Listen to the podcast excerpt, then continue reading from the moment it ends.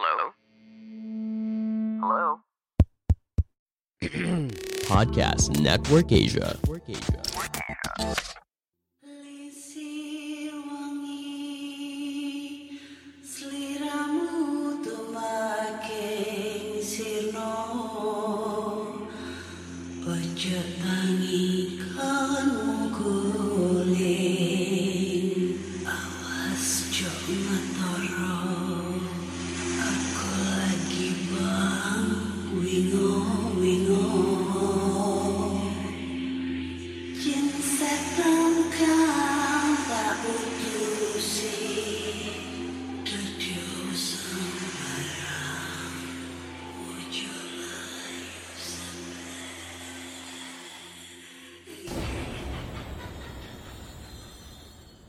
Hai Re, ya apa kabar Ketemu lagi dengan aku si Ana di podcast kisah horor. Di episode kali ini aku akan bacakan cerita horor ataupun email berhantu yang sudah dikirimkan teman-teman melalui podcast kisah horor at gmail.com atau DM Instagram podcast kisah horor serta Google Form yang linknya tersedia di bio Instagram podcast kisah horor. Kita berjumpa di episode 152. Udah gak kerasa ya.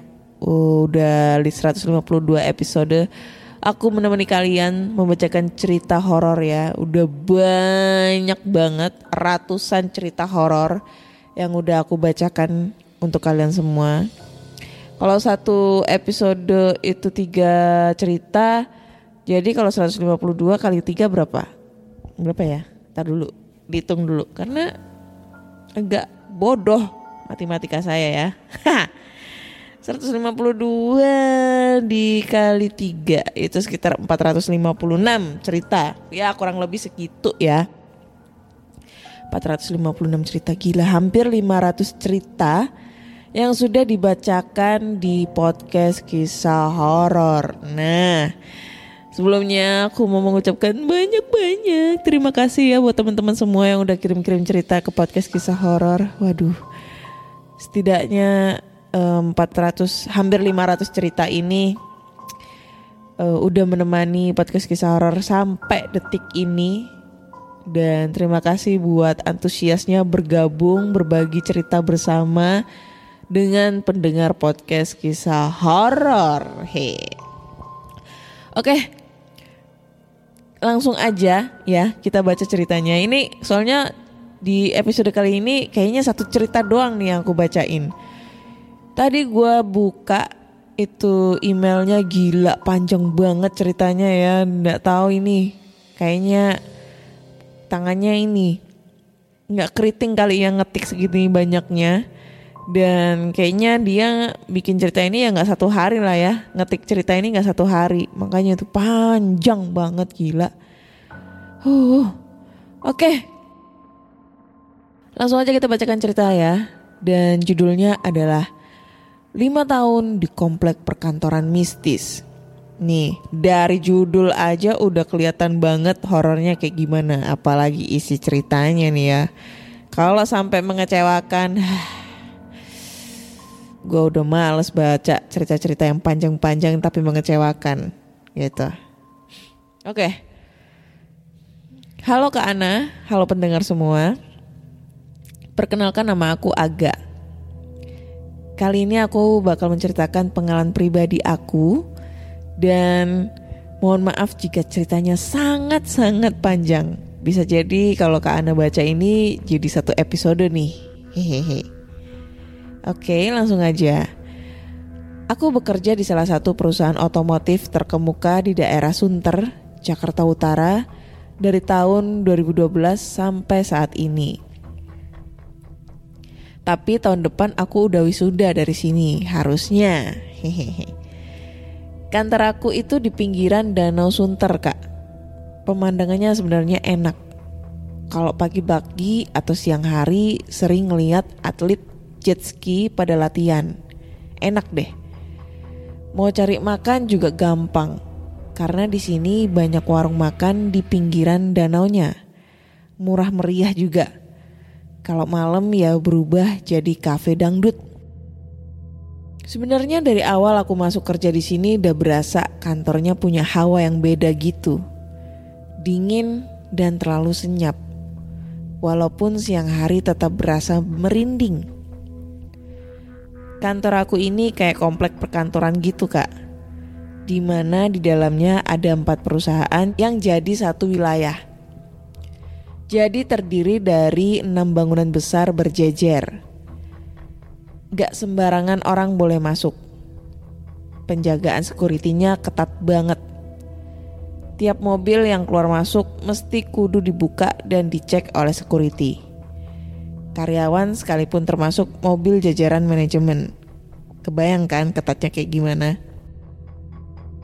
Kalau ada kendaraan yang bukan merek perusahaan itu parkirnya di luar area komplek. Jauh banget karyawan dan manajemen diperlakukan yang sama.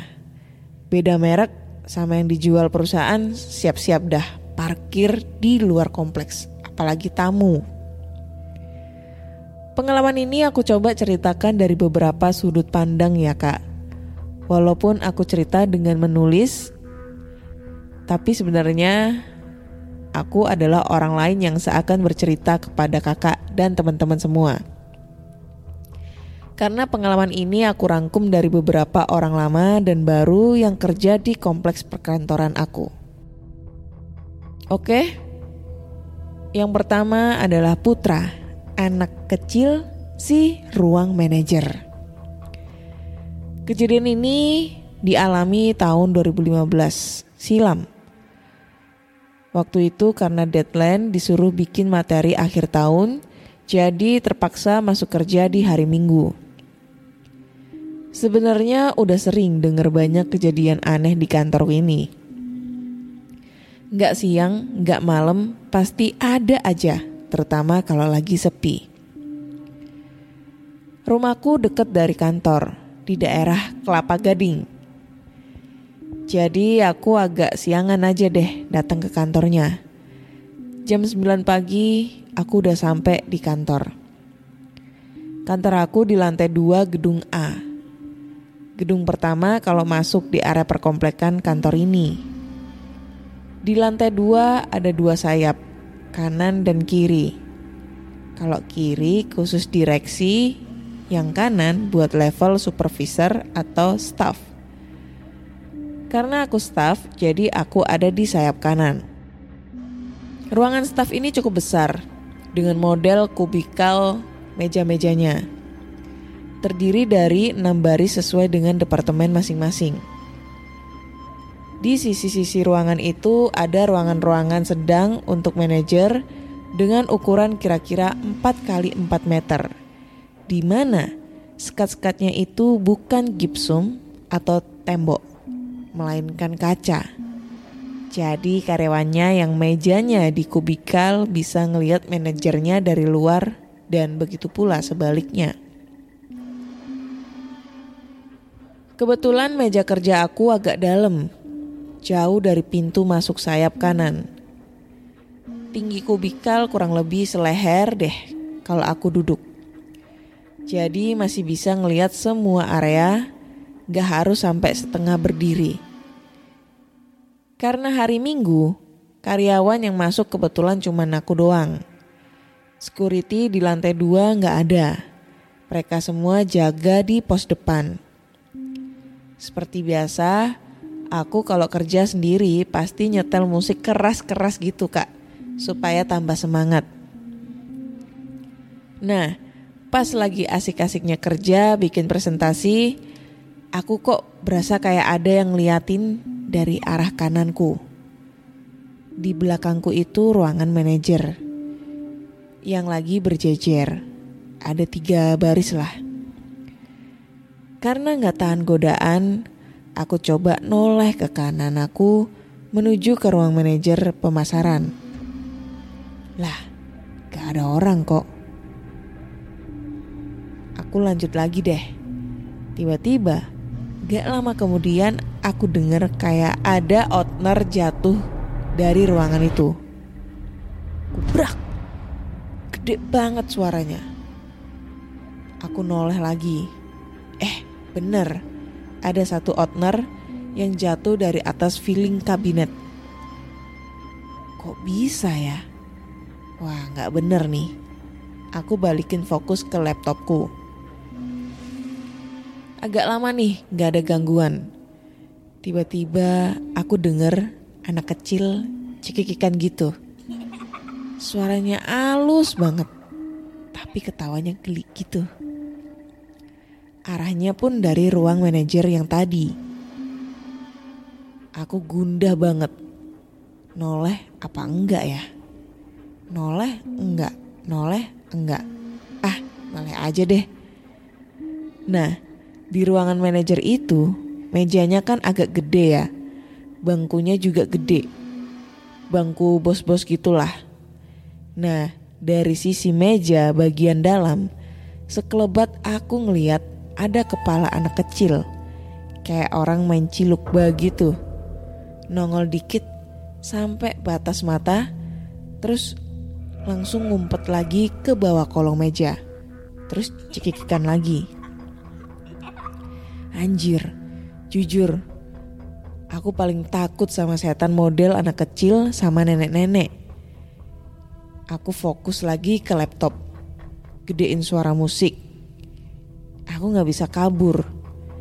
Karena satu-satunya jalan ke pintu keluar ya mau gak mau harus lewatin ruangan manajer itu.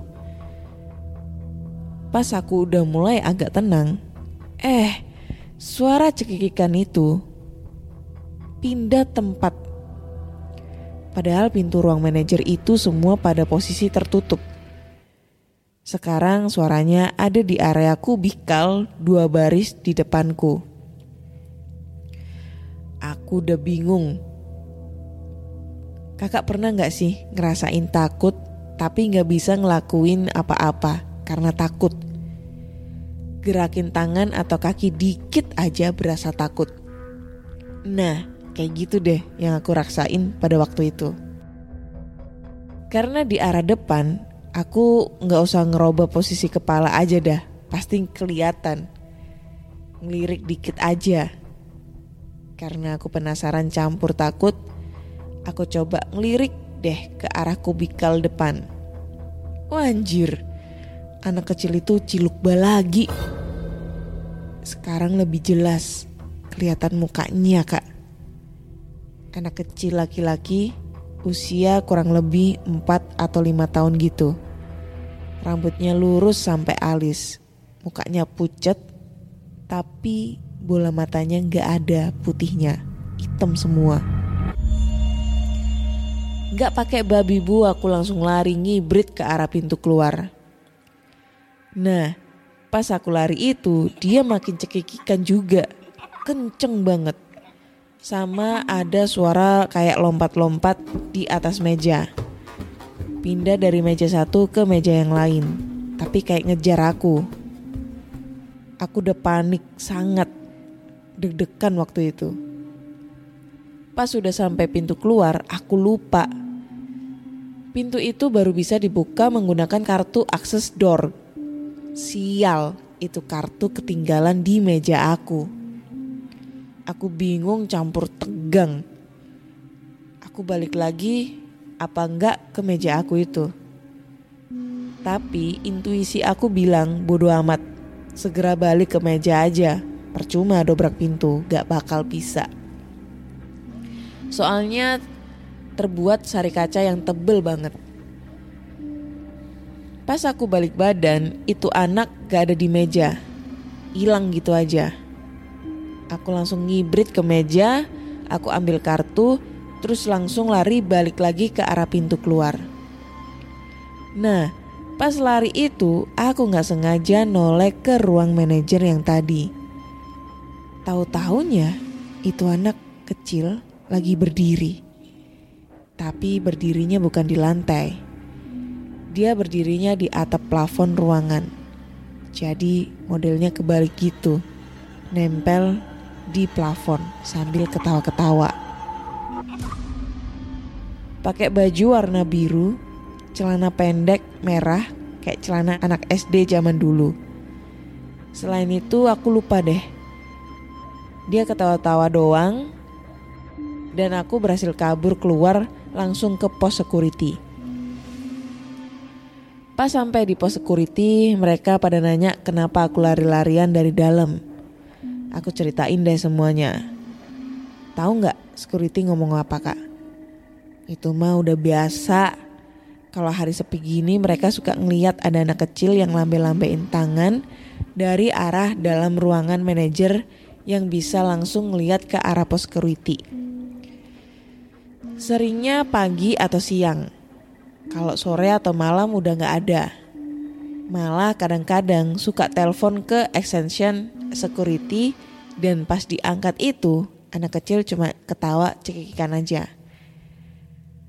Aku minta temenin security ke atas lagi untuk beresin laptop sambil ambil barang-barang aku. Tapi mereka sendiri gak pada berani. Security bilang, Mas Putra, mending mas tunggu aja dulu agak sorean. Kalau nggak pulang aja, dulu naik taksi atau ojek online. Saya bayarin dulu deh. HP sama dompet dan lain-lain ntar sore diberesin sama yang giliran jaga sore. Bener juga. Akhirnya aku pulang minjem duit security. Sorenya aku balik lagi ke kantor untuk ngambil barang-barangku. Pas sorenya naik ke atas bareng security, eh buset. Meja aku udah berantakan semua. Kayak abis digeratakin orang. Tapi semua barang-barang aku masih ada di sana, nggak dipindah-pindahin kapok masuk sendirian kalau hari libur. Kamu lagi mau mengembangkan podcast kamu, tapi bingung caranya bagaimana? Mulai dari sisi performance-nya, menentukan red konten kamu, sampai bagaimana cara memonetisasinya. Nah, coba deh cek Podmetrics. Podmetrics adalah platform yang bisa membantu kamu untuk lebih mudah melihat performa konten podcastmu Lalu melalui Podmetrics, kamu juga bisa menentukan rate podcastmu melalui data yang tersedia. Serta bisa juga memonetisasi kontenmu dengan champion-champion dari brand yang cocok dengan podcastmu. Bahkan, Podmetrics juga bisa membantumu untuk mendapatkan inspirasi dalam membuat iklan pada podcastmu dengan contoh iklan yang sudah tersedia. Nggak ketinggalan juga, sekarang Podmetrics juga ada fitur Pod Earnings dengan berbagai metode pembayaran. Sehingga memudahkan kamu untuk mendapatkan penghasilan dari Podmetrics. Jadi, kalau kamu seorang podcaster, pastikan kamu mendaftar Podmetrics dengan memakai Podmetrics referralku. Klik langsung aja podlink yang ada di deskripsi box dalam episode ini. Lalu cerita berikutnya adalah perempuan berbaju merah di ruang direksi. Jadi ini cerita berikutnya ya kak ya. Di kantor itu tiap akhir bulan tanggal 30 atau 31 itu ada closing bulanan. Biasanya itu bisa sampai jam 1 atau jam 2 pagi. Jadi di saat-saat itu beberapa departemen diwajibkan untuk stay di kantor. Malah kalau bisa nginep ya nginep deh.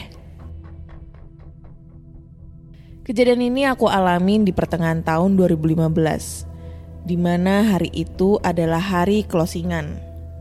Walaupun departemen aku tidak diwajibkan, tapi aku lagi males pulang kantor dan lagian besoknya libur. Jadi aku nyambi-nyambi bikin presentasi buat minggu depan. Jam tujuan, aku berdua sama temen aku, Yudi, lagi kelaparan. OB yang lagi beli makan malam belum nyampe-nyampe juga. Jadi aku berdua sama dia pergi makan di luar. Dia bilang jangan lama-lama, soalnya nggak enak sama yang lain. Akhirnya kita makan di salah satu kafe di pinggiran danau depan. Yuk, abis makan kita ngopi-ngopi bentar yuk. Jam delapanan tapi dah ke kantor lagi ya. Oke deh. Lagian kan orang-orang masih lama di kantor Yud. Lalu Yudi ngejawab, Wah hari ini gak sampai malam sih kayaknya. Soalnya ada kebijakan baru dari direksi kalau closing jangan sampai malam. Soalnya lagi rame isu begal motor. Oh, oke oke. Nah, dari ngomongin kerjaan, akhirnya kita ngomongin cerita-cerita serem selama di kantor. Emang udah banyak yang bilang kalau di kantor itu sering ada penampakan, ya nggak melulu di spot itu aja, tapi di spot lain juga banyak. Waktu sudah menunjukkan jam 8 malam. Sembari ngobrol di warung, kita sudah melihat beberapa teman kita yang sudah pulang naik motor atau mobil mereka. Akhirnya kita berdua segera balik ke kantor dan bener aja, kantor udah sepi banget. Kita tinggal berdua di lantai dua sayap kanan. Aku ngelirik ke sayap kiri, area direksi juga udah gelap banget. Tapi pintu akses ke sana masih terbuka. Wah, tumben nih, security belum ngunci. Harusnya ruang direksi itu steril dan tertutup. Tapi kali ini kok enggak ya? Aku mikir positif aja deh. Security belum terbiasa atau ada info dari regu mereka. Gitu pikir aku.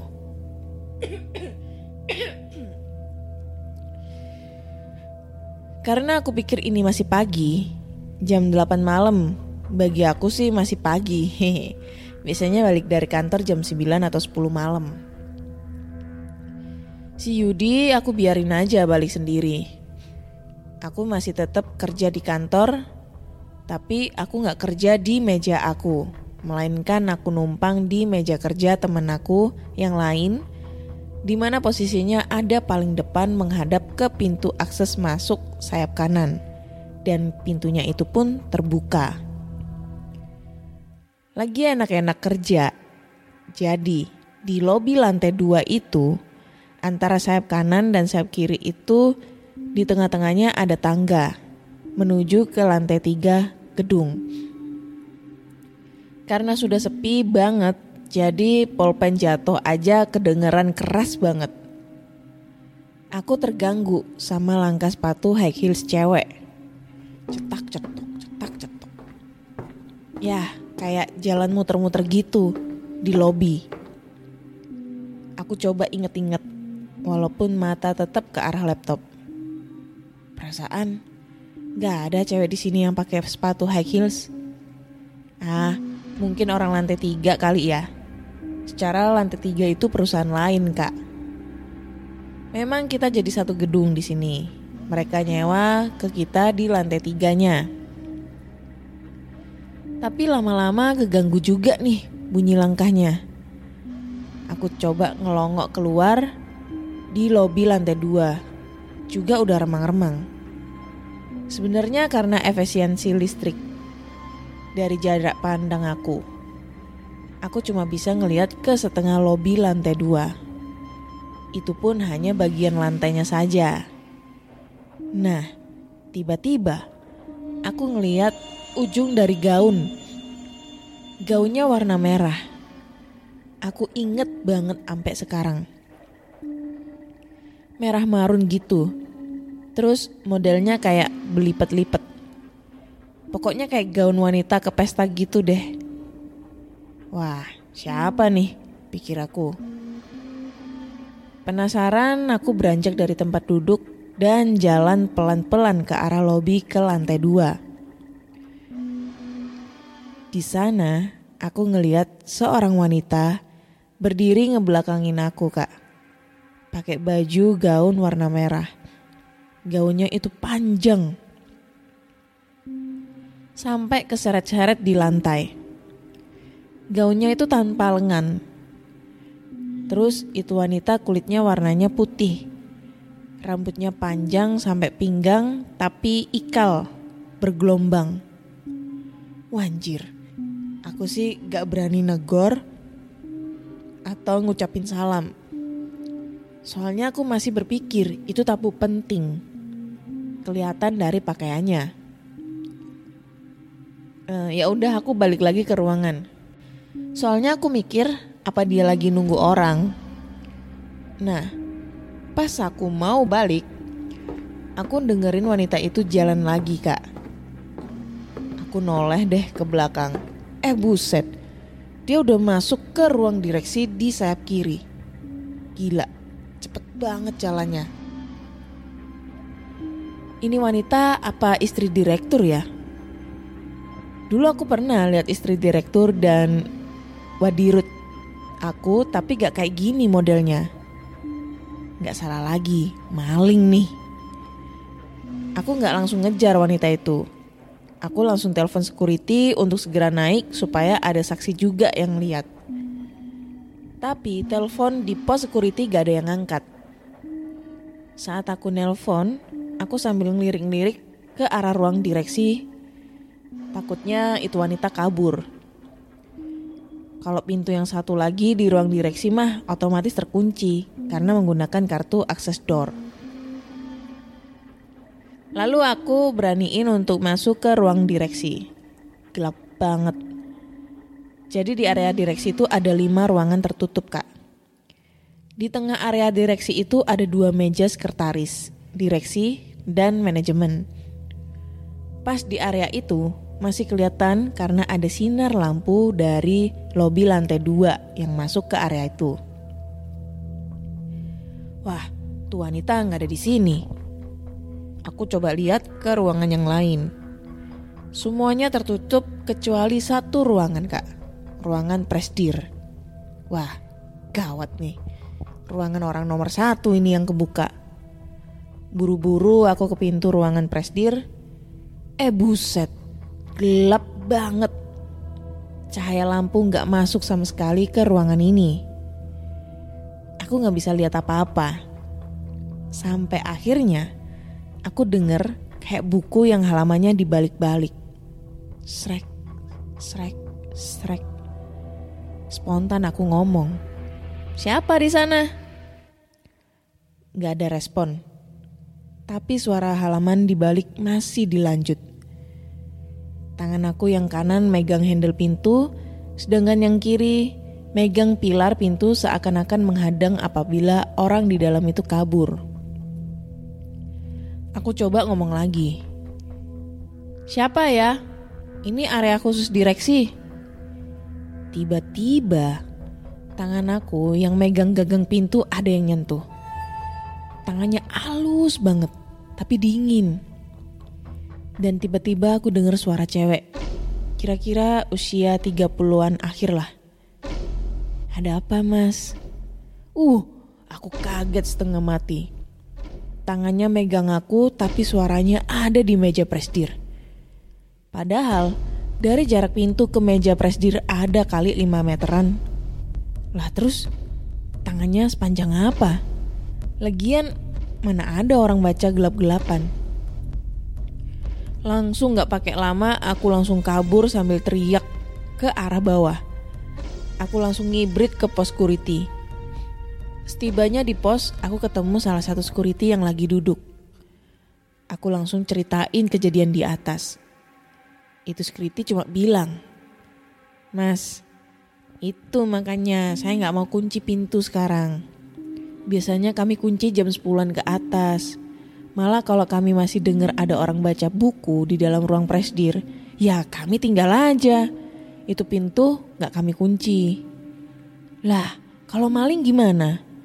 Bukan maling itu mas, saya berani jamin deh.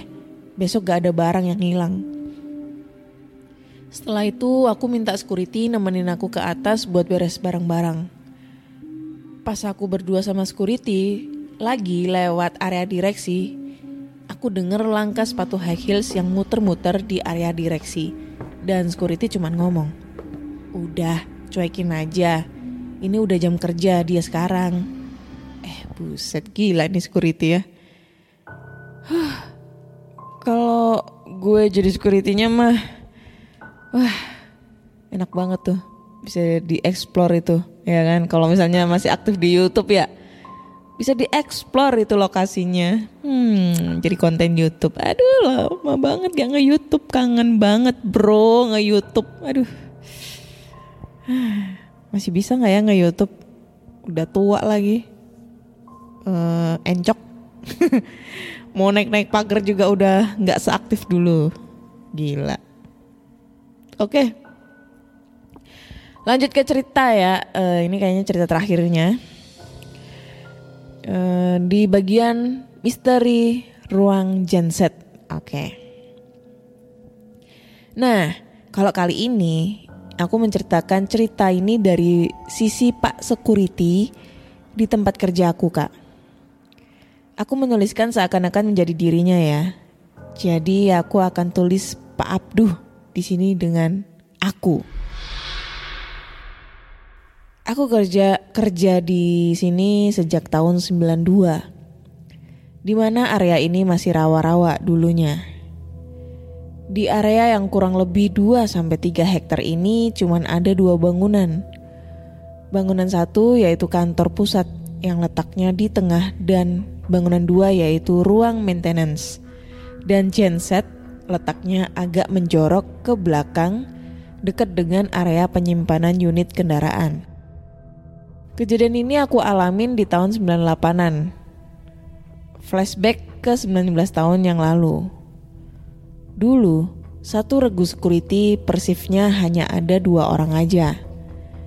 Satu orang ditaruh di pos depan pintu masuk area. Sedangkan satu lagi itu ditaruh di pos monyet belakang. Kenapa dibilang pos monyet? Itu sebutan untuk pos yang dibuat seperti menara. Jadi kita bisa melihat ke seluruh area dari atas menara. Waktu itu aku kedapatan jatah shift malam.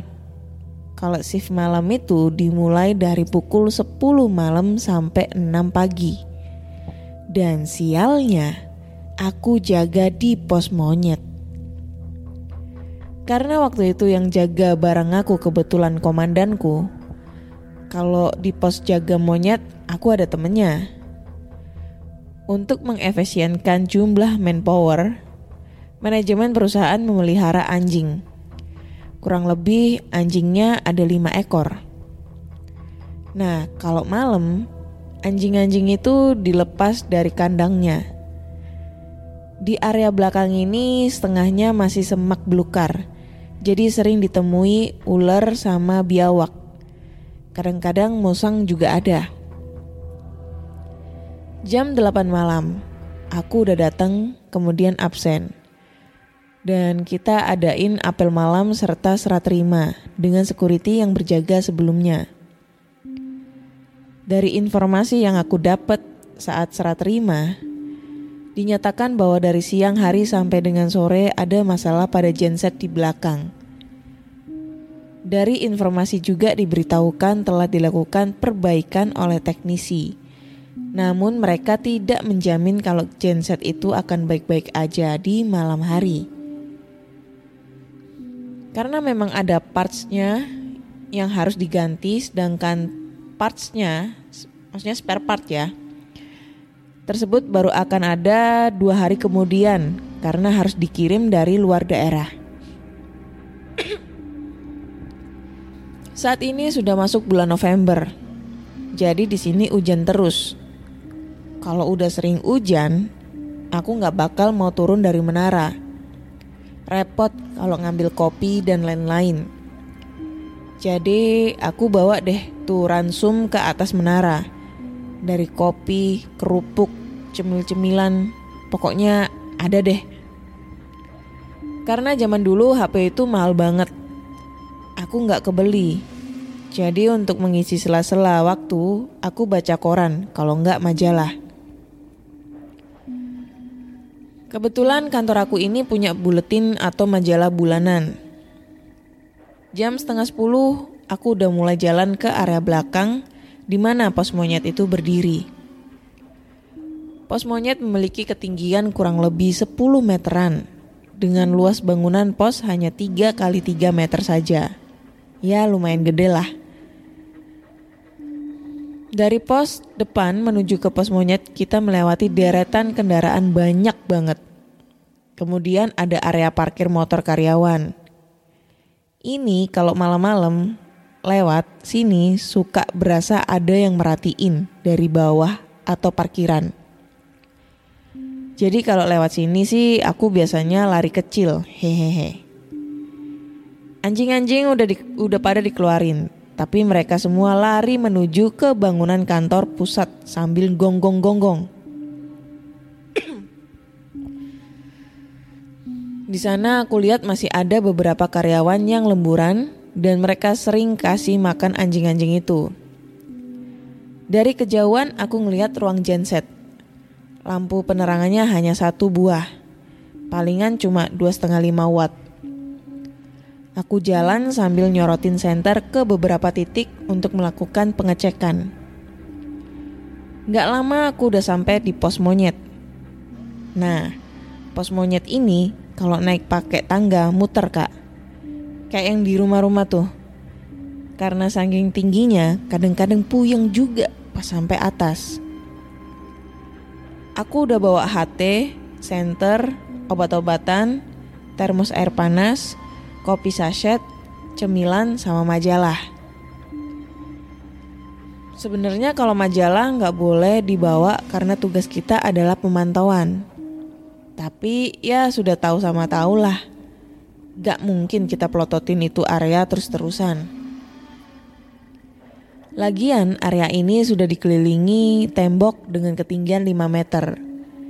Kalau ada maling yang nekat masuk, mereka harus loncat jauh ke dalam karena di belakang tembok itu ada saluran air dengan lebar 3 meter dan kedalamannya 6 meter. Karena di sini sering banjir. Jadi kalau ada orang yang loncat, pasti kemungkinan besar dia akan nyemplung ke saluran air itu. Dan mau manjat ke atas harus pakai tali karena temboknya itu sengaja dibikin licin banget. Pokoknya manajemen perusahaan ini udah mikirin mateng-mateng kalau ada ancaman yang masuk ke area ini. Jam 12-an aku udah mulai bosen nih. Aku masuk ke dalam pos ngambil majalah. Setelah itu aku duduk di teras pos. Karena cuma di teras pos yang ada lampunya. Di dalam pos sengaja nggak dikasih lampu. Lagi enak-enaknya baca paling 15 menitan. Tiba-tiba, pet, lampu pos mati. Aku cek sekeliling area, lampunya juga pada mati. Dan dari arah genset kayak bunyi tuas gede banget jatuh. Yah, gensetnya rusak nih. Gak lama Pak Komandan teriak-teriak di HT. Anggota, tolong angkat tuas di ruang genset. Siap dan. Buru-buru deh, aku turun dari pos menuju ke genset. Eh buset, baru kali ini aku lewatin area ini gelap gulita. Cahaya cuman ada dari senter aku doang. Aku jalan rada pelan-pelan karena kendaraan yang diparkir di sekitar pos monyet sampai genset itu padam bang, padet banget. Aku harus melipir-melipir. Pas lagi jalan menuju ke sana, eh tiba-tiba aja hujan gerimis turun. Asem, mantalnya ada di pos monyet lagi. Yah, bodo amat deh. Lagian cuma sebentar, sebentar doang. Jaraknya juga nggak jauh-jauh amat. Akhirnya aku sampai juga di mulut jalan menuju bangunan genset. Dari kejauhan aku dengar kayak ada orang mukul-mukulin. Entah palu atau linggis ke pipa di dalam ruang genset. Jadi bunyinya cetang, cetang, cetang. Nyaring banget. Ah, jangan-jangan ada tukang harian nih yang ditaruh di belakang. Soalnya memang sering ada tukang harian yang suka nginep di belakang bangunan genset. di sana itu ada gardu PLN yang cukup besar dan biasa digunain untuk rebar-bahan. Pas sudah nyampe di ruang genset, tiba-tiba suara itu hilang. Aku coba teriak manggil-manggil nama tukang harian yang biasa nginep nggak ada respon. Ya udah, Aku coba buka pintu itu, pintu ruang genset itu. Jah, kekunci. Aku lupa kuncinya berada di pos jaga depan. Secara di depan itu adalah komandan regu aku yang jaga, aku langsung hubungin lewat HT. Lapor komandan, saya sudah di genset, tapi kuncinya ada di pos jaga. Mohon instruksi. Untuk tarik tuas tidak perlu buka pintu. Dari jeruji pintu kanan tinggal masukin tangan ke arah dalam dan setelah itu diraba ada batang besi besar. Nah, batang besi itu diangkat ke atas agar gensetnya nyala. Siap, laksanakan komandan. Woi, mantap nih. Siap, 86. Tangan basah-basah kena hujan begini aman gak ya? Soalnya narik tuas genset nih. Udahlah, yang penting coba cari aja dulu ada tuasnya apa enggak. Aku masukin deh tuh tangan aku yang kanan nyari-nyari tuas. Tangan kiri aku pegang senter sambil coba nyorotin ke arah dalam genset. Agak ribet nih karena jurijinya agak rapet. Percuma lah pakai senter. Pas aku lagi nyoba nyari-nyari tuas di dalam, eh dari dalam ruang genset ada yang mukul-mukulin linggis ke pipa. Kaget banget aku. Lah, di dalam ada orang. Aku langsung manggil-manggil. Woi, woi. Tapi gak ada yang nyaut. Aku udah mulai merinding nih. Tapi aku usaha terus dan ya Akhirnya aku dapetin tuas yang dimaksud dan coba ngangkat tuasnya ke atas. Berat banget. Sampai akhirnya aku ngedenger bunyi krek terus ceklek. Lah, udah bisa nih aku pindahin tuas ke posisi atas. Tapi kok gensetnya nggak nyala-nyala. Terus suara orang mukulin pipa juga masih ada. Sialan nih orang. Bukannya bantuin, Akhirnya aku lapor ke komandan. Lapor dan, tua sudah saya pindahkan, tapi genset masih belum nyala. Ya sudah, kalau dipaksakan ngeri, meledak, atau alatnya rusak. Kamu balik aja ke pos monyet. Laksanakan. Tapi mohon lapor dan, ada apa? Apakah hari ini ada tukang harian yang berada di ruang genset dan? Tidak ada tukang harian hari ini. Puh, setelah aku dengar info dari komandan aku, aku langsung kaget. Lah terus yang di dalam itu siapa dong? Aku coba senterin area dalam ruang genset. Terlihat ada dua mesin genset segede-gede gaban. Dan satu buah alat tuas. Tapi aku sama sekali gak lihat ada orang di dalamnya. Gila suara cicak ini ngagetin. Ruang genset ini luasnya paling 6 kali 3 meteran lah. Aku coba longok-longok lagi ke dalam, tapi beneran gak ada orang. Ya udahlah, aku gak mau ambil pusing. Aku balik badan deh menuju pos monyet.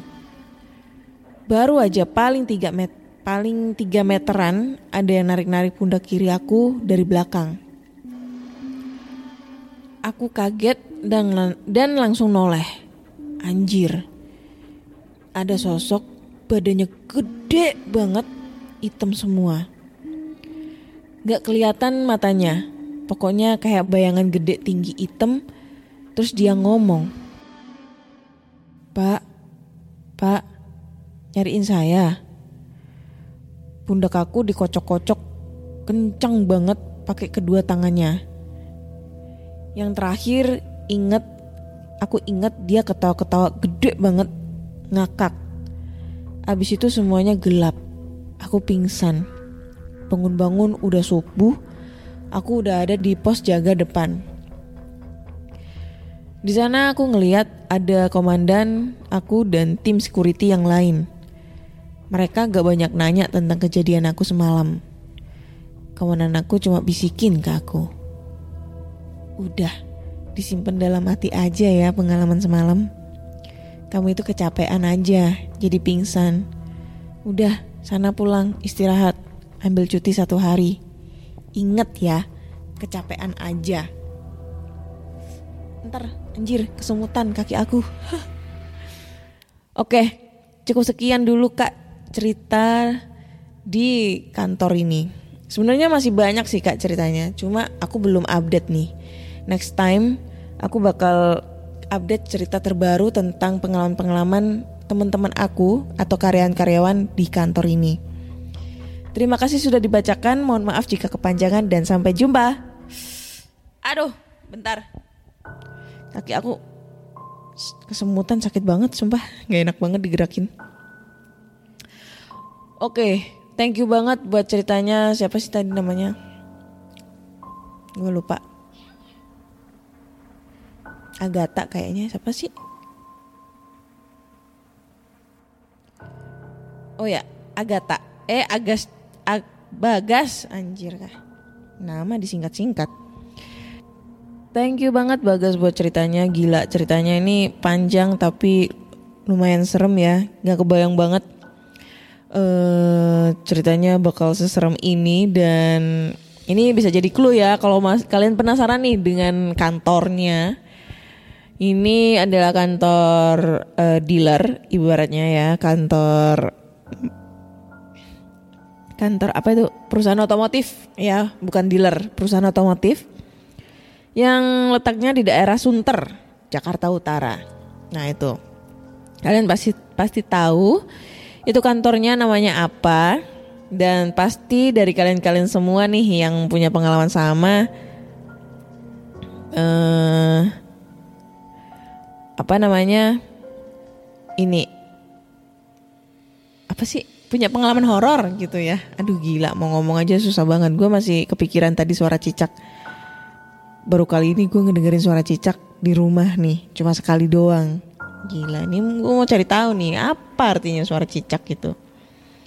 Sekali doang tadi suaranya ya.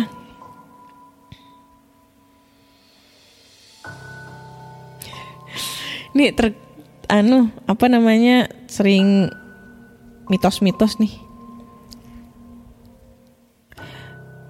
Nih pertanda suara cicak tergantung arahnya.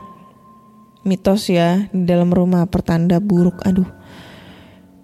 Eh, suara cicak ini gua nggak tahu kalau arah-arah nih.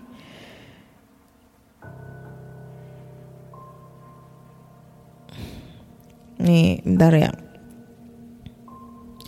Misalnya seperti apabila cicak terdengar dari arah timur si pendengar, maka artinya bisa berbeda apabila suara cicak terdengar dari arah barat. Gue ini arahnya ke mana ya?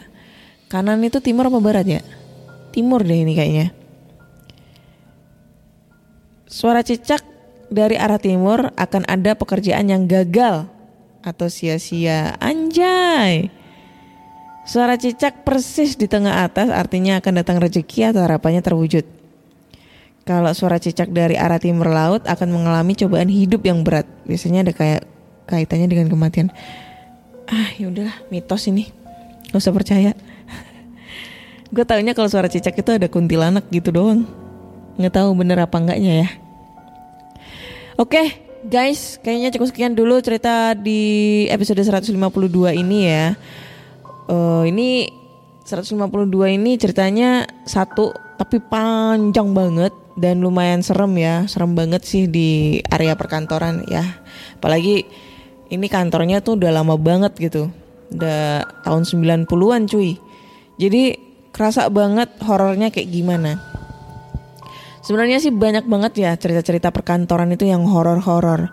Cuma kalau horornya yang klimaks banget kayak ini apalagi si security-nya nih ya ngalaminya tahun 90-an, tahun 98-an.